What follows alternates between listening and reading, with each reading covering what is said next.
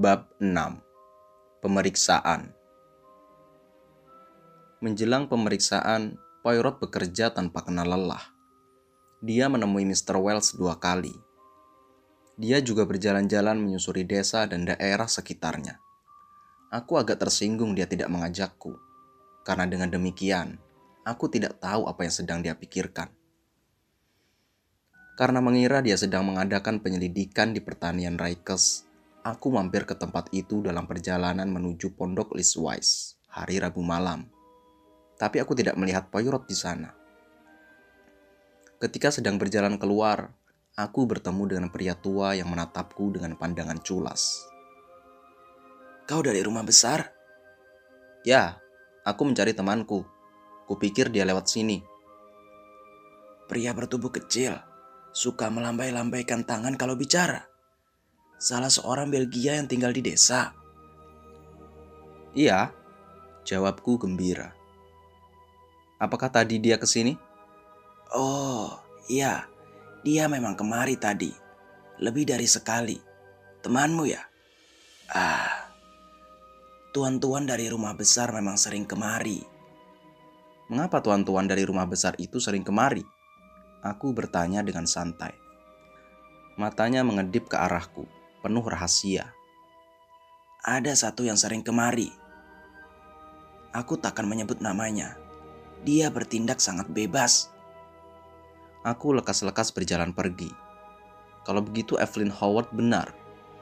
Tiba-tiba saja aku merasa muak ketika membayangkan kesenangan Alfred Ingletop berkencan dengan wanita lain tetapi menggunakan uang istrinya.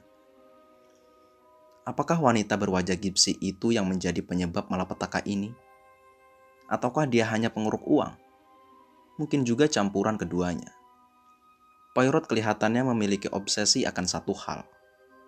Dia satu atau dua kali mengatakan kepadaku, jangan-jangan Dorcas salah menyebutkan waktu pertengkaran majikannya, dan berulang kali menegaskan ke Dorcas bahwa wanita itu mendengar suara itu pukul setengah lima dan bukan pukul empat. Namun Dorcas tak tergoyahkan. Dia mengatakan jarak waktu antara dia mendengar percakapan itu sampai selesai menyiapkan teh kurang lebih satu jam. Dia membawakan teh itu pukul 5 sore. Pemeriksaan dilakukan pada hari Jumat di Stylus Arms, di desa. Poirot duduk di sebelahku, karena kami tidak diminta menjadi saksi. Awal acara berjalan dengan lancar Juri memeriksa mayat dan John Cavendish memberikan bukti-bukti identifikasi. Kemudian dia memberi keterangan tentang kejadian-kejadian yang dialaminya mulai saat dia bangun. Bukti-bukti medis kemudian diajukan. Semua orang menutup mulut rapat-rapat tetapi menatap tajam spesialis racun dari London yang amat terkenal itu. Dengan singkat dia menerangkan hasil pemeriksaan postmortem. Secara singkat, Mrs. Ingletop dinyatakan meninggal akibat keracunan strychnine. Dilihat dari jumlah yang ditemukan, Mrs. Ingletop telah menelan tidak kurang dari 3 per 4 butir strychnine. Pemeriksa kemudian menanyakan, apakah ada kemungkinan Mrs. Ingletop menelannya secara tak sengaja? Saya rasa ini kurang logis karena strychnine tidak biasa didapatkan dan digunakan dengan mudah untuk keperluan sehari-hari. Penjualannya juga dibatasi Apakah hasil pemeriksaan Anda menunjukkan dengan cara bagaimana strychnine itu diberikan kepada korban? Tidak. Anda datang ke Stylus lebih dulu dari Dr. Wilkins? Benar. Saya berpapasan dengan mobil itu di pintu gerbang. Jadi saya cepat-cepat ke sana. Hmm. Bisa Anda ceritakan dengan tepat apa yang terjadi kemudian? Saya masuk ke kamar Mrs. Ingletop. Pada saat itu dia sedang kejang dia menoleh ke arah saya dan berkata dengan tergagap, Alfred, Alfred. Mungkinkah strychnine itu dimasukkan ke kopi yang dibawa suaminya setelah makan? Hmm, barangkali. Tapi strychnine merupakan racun yang sangat cepat bereaksi. Tanda-tandanya akan kelihatan satu atau dua jam setelah diminum. Memang akibatnya bisa tertunda karena kondisi tertentu. Tapi dalam kasus ini, kondisi tersebut tidak ada saya perkirakan Mrs. Ingletop minum kopi kira-kira pukul 8. Tetapi gejala-gejala itu baru tampak pada pagi hari. Dan itu berarti bahwa racun itu diminumnya sekitar atau sesudah tengah malam. Mrs. Ingletop punya kebiasaan minum coklat pada tengah malam. Mungkinkah strychnine itu dimasukkan ke coklatnya? Oh, tidak. Saya sudah mengambil sampel coklat dari sisa yang ada di panci dan menganalisanya. Tapi tak ada strychnine di situ. Aku mendengar Poirot berdecak. Bagaimana kau tahu? Tanyaku sambil berbisik. Dengarkan. Saya rasa, kata dokter itu melanjutkan, saya akan heran apabila ada hasil lainnya. Mengapa? Karena strychnine sangat pahit strychnine bisa dideteksi dalam larutan 1 dibanding 70 ribu. Dan rasa pahitnya hanya bisa disembunyikan di makanan yang rasanya tajam. Tapi coklat tidak bisa menutupi rasa pahit strychnine. Salah seorang juri menanyakan apakah hal tersebut berlaku juga untuk kopi. Tidak, karena kopi sendiri juga memiliki rasa pahit dan bisa menyembunyikan rasa pahit strychnine. Hmm, jadi Anda berpendapat bahwa kemungkinan besar strychnine itu dimasukkan ke kopi, tapi karena sesuatu yang tidak kita ketahui, reaksinya jadi tertunda. Ya, tapi cangkir kopi itu hancur dan tidak mungkin lagi isinya dianalisa. Kalimat itu mengakhiri kesaksian Dr. Bauerstein. Dr. Wilkins menguatkan kesaksian tersebut. Ketika ditanyakan kemungkinan suatu perbuatan bunuh diri, dia menyanggah dengan gigih. Korban memang mengidap penyakit jantung, tetapi kesehatan fisik maupun mentalnya amat baik. Dia bukanlah tipe orang yang mungkin akan mengambil tindakan bunuh diri. Kemudian Lawrence Cavendish dipanggil. Kesaksiannya tidak terlalu berarti, hanya berupa pengulangan cerita kakaknya. Tetapi ketika akan meninggalkan bangku saksi, dia berkata dengan ragu-ragu, "Apakah saya boleh mengutarakan pendapat?" Dia menatap pemeriksa dengan pandangan memohon, dan pemeriksa itu pun menjawab, "Tentu saja, Mr. Cavendish, kita berkumpul di sini untuk mencari kebenaran, dan kami dengan senang hati menyambut segala sesuatu yang bisa menuju ke arah penyelesaian." Ini hanya merupakan pemikiran saya, jelas Lawrence. Mungkin juga saya keliru, tapi ada kemungkinan ibu saya meninggal secara wajar Barangkali Anda bisa menjelaskannya, Mr. Cavendish? Pada saat meninggal dan beberapa saat sebelumnya, ibu saya biasa minum tonik yang mengandung strychnine. Ah, kata pemeriksa. Juri kelihatannya sangat tertarik. Saya rasa ada kasus ketika efek kumulatif suatu obat bisa menimbulkan kematian. Dan ada kemungkinan bahwa dia minum obat melebihi dosisnya. Hmm, ini yang pertama kali saya dengar, bahwa almarhumah biasa minum strychnine. Terima kasih Mr. Cavendish. Dr. Wilkins dipanggil dan dia menertawakan kemungkinan itu. Apa yang dikatakan Mr. Cavendish itu tidak masuk akal. Dokter mana pun akan mengatakan hal yang sama.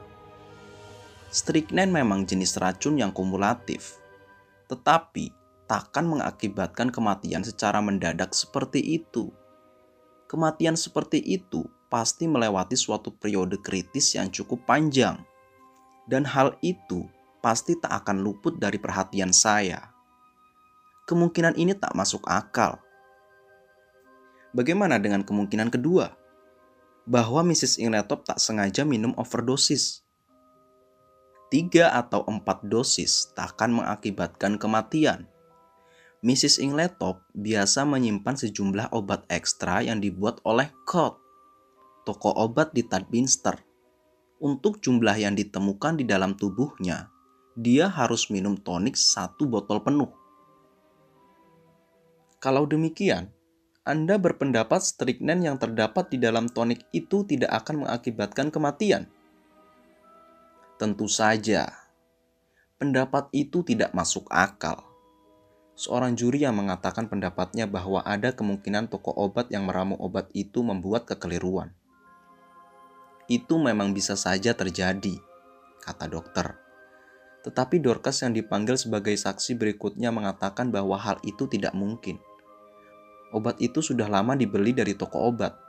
Bahkan Mrs. Ingletop minum obatnya yang terakhir pada hari meninggalnya. Jadi kemungkinan peracunan melalui tonik dianggap selesai, dan pemeriksa melanjutkan dengan soal yang lain. Setelah mendengar dari Dorcas bahwa dia terbangun oleh bunyi bel yang berdering keras, lalu dia berusaha membangunkan seisi rumah. Dia beralih ke pertengkaran yang terjadi pada sore kemarinnya. Kesaksian Dorcas akan hal ini sama seperti yang diceritakan kepadaku dan Poirot, jadi tak perlu kuceritakan lagi. Saksi berikutnya adalah Mary Cavendish. Dia berdiri tegak dan berbicara dengan suara yang rendah, jelas, dan terkendali. Menjawab pertanyaan pemeriksa. Dijelaskannya bahwa dia bangun pukul 04.30 seperti biasa, dan dia sedang berpakaian ketika dikejutkan oleh bunyi benda keras jatuh Tentunya bunyi meja yang jatuh, bukan? Kata pemeriksa. Saya membuka pintu dan mendengarkan, kata Mary. Beberapa menit kemudian, saya mendengar bel berdering keras. Dorcas berlari-lari membangunkan suami saya, dan kami semua pergi ke kamar ibu mertua saya. Tapi pintunya terkunci. Pemeriksa kemudian menyela. Saya kira Anda tak perlu melanjutkan cerita itu lagi kami sudah mendengar dari para saksi sebelumnya, tapi kami ingin mendengar tentang pertengkaran yang Anda dengar sehari sebelumnya. Saya terdengar nada tersinggung dari suaranya. Dia mengangkat tangannya untuk memperbaiki lipatan renda di lehernya sambil menggelengkan kepalanya sedikit. Tiba-tiba saja sebersit pikiran hinggap di kepalaku. Mary mengulur waktu. Ya, saya tahu bahwa lanjut memeriksa.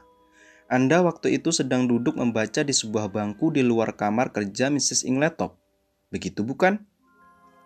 Ini merupakan informasi baru untukku. Aku melirik Poirot. Ingin tahu apakah dia pernah mendengar hal itu. Mary agak ragu-ragu sebelum menjawab. Ya, benar. Dan jendela kamar kerja itu terbuka, bukan? Dengan wajah bertambah pucat, dia menjawab. Iya. Kalau begitu Anda pasti mendengar suara-suara dari dalam, terutama bila bertambah keras karena marah. Dan dari tempat Anda duduk, suara itu lebih jelas dibandingkan apabila dari lorong rumah. Mungkin bisa Anda ulangi lagi apa yang Anda dengar? uh, saya benar-benar tidak ingat. Maksud Anda, Anda tidak mendengar suara apa-apa? Saya saya memang mendengar suara, tapi saya tidak mendengar apa yang mereka bicarakan. Saya tidak biasa mencuri dengar percakapan pribadi orang lain. Pemeriksa masih bertahan. Dan Anda tidak ingat apa-apa sama sekali. Sama sekali, Mrs. Cavendish. Tak sepotong kalimat ataupun kata-kata yang membuat Anda sadar bahwa percakapan itu adalah percakapan pribadi. Mary diam dan berusaha menenangkan diri. Ya, saya ingat Mrs. Ingletop mengatakan sesuatu. Uh, saya tak bisa mengingat dengan tepat. Tapi, tapi itu mengenai skandal antara suami istri. Ah, pemeriksa itu bersandar dengan puas. Itu sesuai dengan apa yang dikatakan Dorcas. Tapi maaf, Mrs. Cavendish, Anda mengerti bahwa percakapan itu adalah percakapan pribadi namun Anda tetap tidak beranjak dari tempat Anda. Aku melihat kilasan amarah di mata coklatnya. Aku yakin dia sanggup mencabik-cabik pengacara itu karena sindirannya. Tetapi wanita itu bisa bertahan dengan tenang. Tidak, saya cukup nyaman berada di tempat duduk saya, dan saya memusatkan perhatian pada buku saya. Hmm, itu saja yang dapat Anda ceritakan? Ya, itu saja. Pemeriksaan itu selesai walaupun aku tidak yakin apakah pemeriksa merasa puas dengan hasilnya. Kurasa dia menginginkan Mary Cavendish berbicara lebih banyak lagi. Yang dipanggil kemudian adalah Amy Hill, pelayan toko. Dia memberi kesaksian telah menjual formulir surat wasiat pada tanggal 17 siang kepada William R., asisten tukang kebun Mrs. Ingletop. William R. dan Manning dipanggil dan memberikan kesaksian bahwa mereka menjadi saksi penanda tanganan suatu dokumen. Manning memperkirakan saat itu pukul 04.30 sore, sedangkan William merasa lebih awal dari itu. Cynthia Murdoch dipanggil kemudian. tak banyak yang diceritakannya. Dia tak tahu apa-apa tentang tragedi itu sampai dia dibangunkan oleh Mrs. Cavendish. Anda tidak mendengar bunyi meja jatuh? Tidak, saya tidur sangat nyenyak. Pemeriksa tersenyum. Pikiran sehat membuat orang tidur lelap, katanya. Terima kasih, Miss Murdoch. Itu saja. Miss Howard? Miss Howard mengeluarkan surat yang ditulis Mrs. Ingletop pada tanggal 17 sore. Aku dan Poirot tentu saja sudah membacanya. Surat itu tidak memberi petunjuk apa-apa pada kami. Berikut ini contohnya. 17 Juli Stylus Court, Essex Evelyn sayang, tidak bisakah kita berbaikan? Walaupun bagiku sulit untuk melupakan apa yang kau katakan tentang suamiku Aku wanita tua yang sangat sayang kepadamu. Kawanmu tersayang, Emily Ingletop. Juri memeriksa dengan teliti. Saya rasa tidak banyak membantu, kata pemeriksa sambil menarik nafas. Tidak menyebutkan apa-apa tentang kejadian sore itu. Surat itu sangat jelas bagi saya. Emily rupanya baru sadar bahwa dia dipermainkan, kata Miss Howard singkat. Tapi surat ini tidak menyebutkan hal itu. Memang, karena Emily tak pernah mau mengakui dia dalam posisi bersalah. Tetapi saya mengerti dia. Dia ingin agar saya kembali. Tapi dia tidak mau mengatakan dengan terus terang bahwa saya benar. Dia hanya ingin berputar-putar. Banyak orang yang begitu. Saya sendiri tak suka begitu. Mr. Wells tersenyum tipis. Juga beberapa orang juri. Rupanya Miss Howard ini sudah terkenal. Semua ini buang-buang waktu saja, katanya melanjutkan sambil memandang para juri. Bicara, bicara, bicara. Padahal kita semua sudah tahu jelas. Pemeriksa menyela perkataannya dengan susah payah. E, terima kasih, Miss Howard. Kelihatannya dia mengembuskan nafas lega ketika wanita itu kembali ke tempat duduknya. Kemudian pemeriksa memanggil Albert Mache, asisten apoteker dari toko obat. Orang pun mulai berbisik-bisik. Dia menjawab pertanyaan pemeriksa dengan mengatakan bahwa dirinya ahli obat yang terpercaya, tapi baru saja bekerja di toko itu karena dia ikut bertugas dalam perang. Setelah itu, pemeriksa melanjutkan pertanyaannya. Mr. Mache, apa akhir-akhir ini Anda pernah menjual strychnine kepada seseorang tanpa lisensi? Iya, Sir. Kapan Anda melakukannya? Senin malam.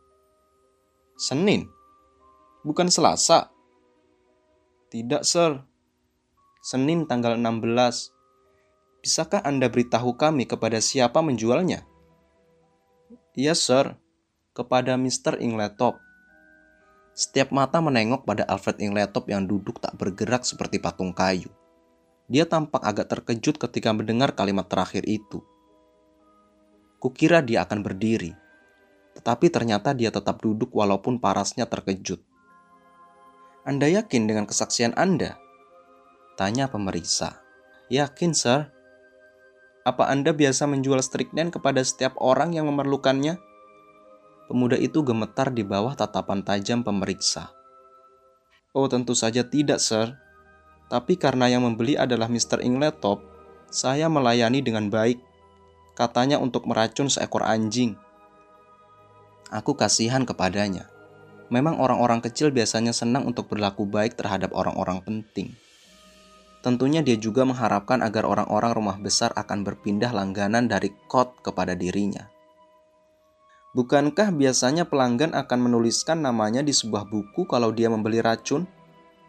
Iya, sir. Mr. Ingletop juga. Anda membawa buku itu? Iya, ada. Dia mengeluarkan buku catatan, dan pemeriksa kemudian menyatakan pemeriksaan terhadap Mr. Mace selesai. Setelah menahan nafas, beberapa saat kemudian Alfred Ingletop akhirnya dipanggil. Apakah dia sadar betapa dekat lehernya pada tiang gantungan? Pemeriksa segera mengajukan pertanyaan. Pada Senin malam yang lalu, apakah Anda membeli strychnine untuk meracun anjing? Ingletop menjawab dengan sangat tenang. Tidak, saya tidak membeli strychnine. Di Stylus tidak ada anjing, kecuali seekor anjing gembala. Dan anjing itu dalam keadaan sehat. Anda menolak tuduhan bahwa Anda membeli strychnine dari Albert Mache pada Senin malam yang lalu. Ya. Apa Anda juga menolak ini? Pemeriksa menunjukkan sebuah nota yang memuat tanda tangan Ingletop. Tentu saja. Tulisan ini berbeda dari tulisan saya. Akan saya buktikan. Dia mengeluarkan sebuah amplop bekas dari sakunya, lalu mencoretkan tanda tangannya. Memang berbeda. Jadi kalau begitu apa arti perkataan Mr. Mace? Alfred Ingletop menjawab dengan tenang. Tentunya Mr. Mace keliru. Pemeriksa ragu-ragu sejenak, lalu berkata, Mr. Ingletop, kami ingin mendengar di mana Anda berada pada Senin malam, tanggal 16 Juli yang lalu. Ah, saya benar-benar tidak ingat.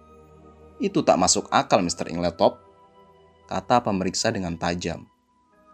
Coba Anda ingat-ingat kembali. Ingletop menggeleng. Ah, saya tak ingat. Saya memang keluar malam itu. Ke arah mana?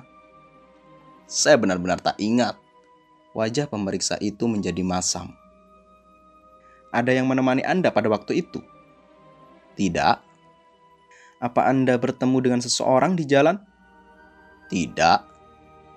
Sayang sekali, kata pemeriksa dengan sinis. Apa saya harus menyimpulkan bahwa Anda menolak mengatakan di mana Anda berada pada waktu Mr. Mace mengenali Anda ketika Anda sedang berjalan memasuki tokonya untuk membeli strychnine?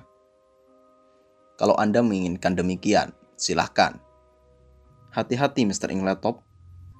Poirot menjadi gelisah. Sakre, katanya. Apa orang bodoh ini ingin ditahan? Ingletop memang memberikan kesan yang buruk. Penolakan-penolakannya tak akan meyakinkan seorang anak kecil sekalipun. Tetapi pemeriksa berpindah ke hal lain, dan Poirot menarik nafas lega. Anda berbicara dengan istri Anda pada selasa sore. Maaf, kata Alfred Ingletop. Anda pasti mendapat informasi yang keliru. Saya tidak bertengkar dengan istri saya. Cerita itu benar-benar omong kosong. Saya tidak berada di rumah pada sore hari. Apa ada seseorang yang bisa memperkuat pernyataan Anda? Anda bisa mempercayai kata-kata saya. Jawab Ingletop dengan congkak. Pemeriksa tidak ambil pusing untuk memberi komentar atas pernyataan itu. Dia melanjutkan. Ada dua orang saksi yang menyatakan bahwa Anda bertengkar dengan istri Anda. Ah, kedua saksi itu keliru. Aku terheran-heran. Pria itu berbicara dengan penuh keyakinan. Aku memandang Poirot. Ada rasa kemenangan melintas di wajahnya. Dan itu tidak ku mengerti. Apakah akhirnya dia percaya Alfred Ingletop bersalah? Mr. Ingletop, kata pemeriksa. Anda telah mendengar kata-kata terakhir istri Anda yang diutarakan seorang saksi di sini tadi. Apakah Anda bisa menjelaskannya? Tentu saja. Anda bisa menjelaskannya? Sangat sederhana. Kamar tidur istri saya tidak terang, tetapi remang-remang. Dr. Borstein mempunyai postur tubuh mirip saya, setinggi saya, dan berjenggot pula seperti saya. Dalam keadaan sakit seperti itu, istri saya pasti mengira Dr. Borstein adalah saya. Ah, seru Poirot. Ide yang bagus. Kau berpendapat begitu? Aku bertanya. Aku tak bilang begitu, tapi itu merupakan ide yang bagus. Anda berpendapat bahwa kata-kata terakhir istri saya adalah tuduhan. Kata Ingletop melanjutkan padahal itu merupakan seruan.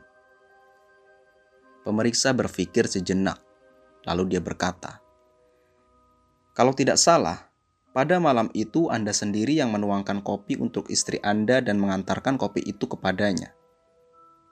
Saya memang menuangkan kopi dan bermaksud mengantarkannya sendiri. Tapi tiba-tiba seorang teman datang, jadi saya meletakkan kopi itu di meja Ketika saya melewati meja itu beberapa menit kemudian, cangkir itu sudah lenyap. Pernyataan itu mungkin benar, mungkin tidak. Tetapi tetap tidak mungkin memperbaiki kesan bahwa Ingletop bersalah. Dalam keadaan yang mana pun, dia cukup punya waktu untuk memasukkan racun ke cangkir kopi itu. Pada saat itu, Poirot menyenggolku sambil menunjuk ke pintu. Di situ duduk dua orang pria. Yang seorang bertubuh kecil dan berwajah gelap. Yang satunya bertubuh tinggi dan berkulit putih. Aku bertanya kepada Poirot sambil berbisik. Dia menempelkan mulutnya di telingaku. Kau tahu siapa pria kecil itu? Aku menggeleng. Dia Inspektur Detektif James Jupp dari Scotland Yard. Jimmy Jupp. Yang satu juga dari Scotland Yard. Ah, cepat benar berita ini tersebar. Aku memandang kedua pria itu lekat-lekat. Tak ada sesuatu pun yang menunjukkan bahwa mereka adalah polisi. Aku masih mengawasi kedua laki-laki itu ketika terdengar keputusan dibacakan. Pembunuhan yang direncanakan oleh seseorang atau beberapa orang yang belum diketahui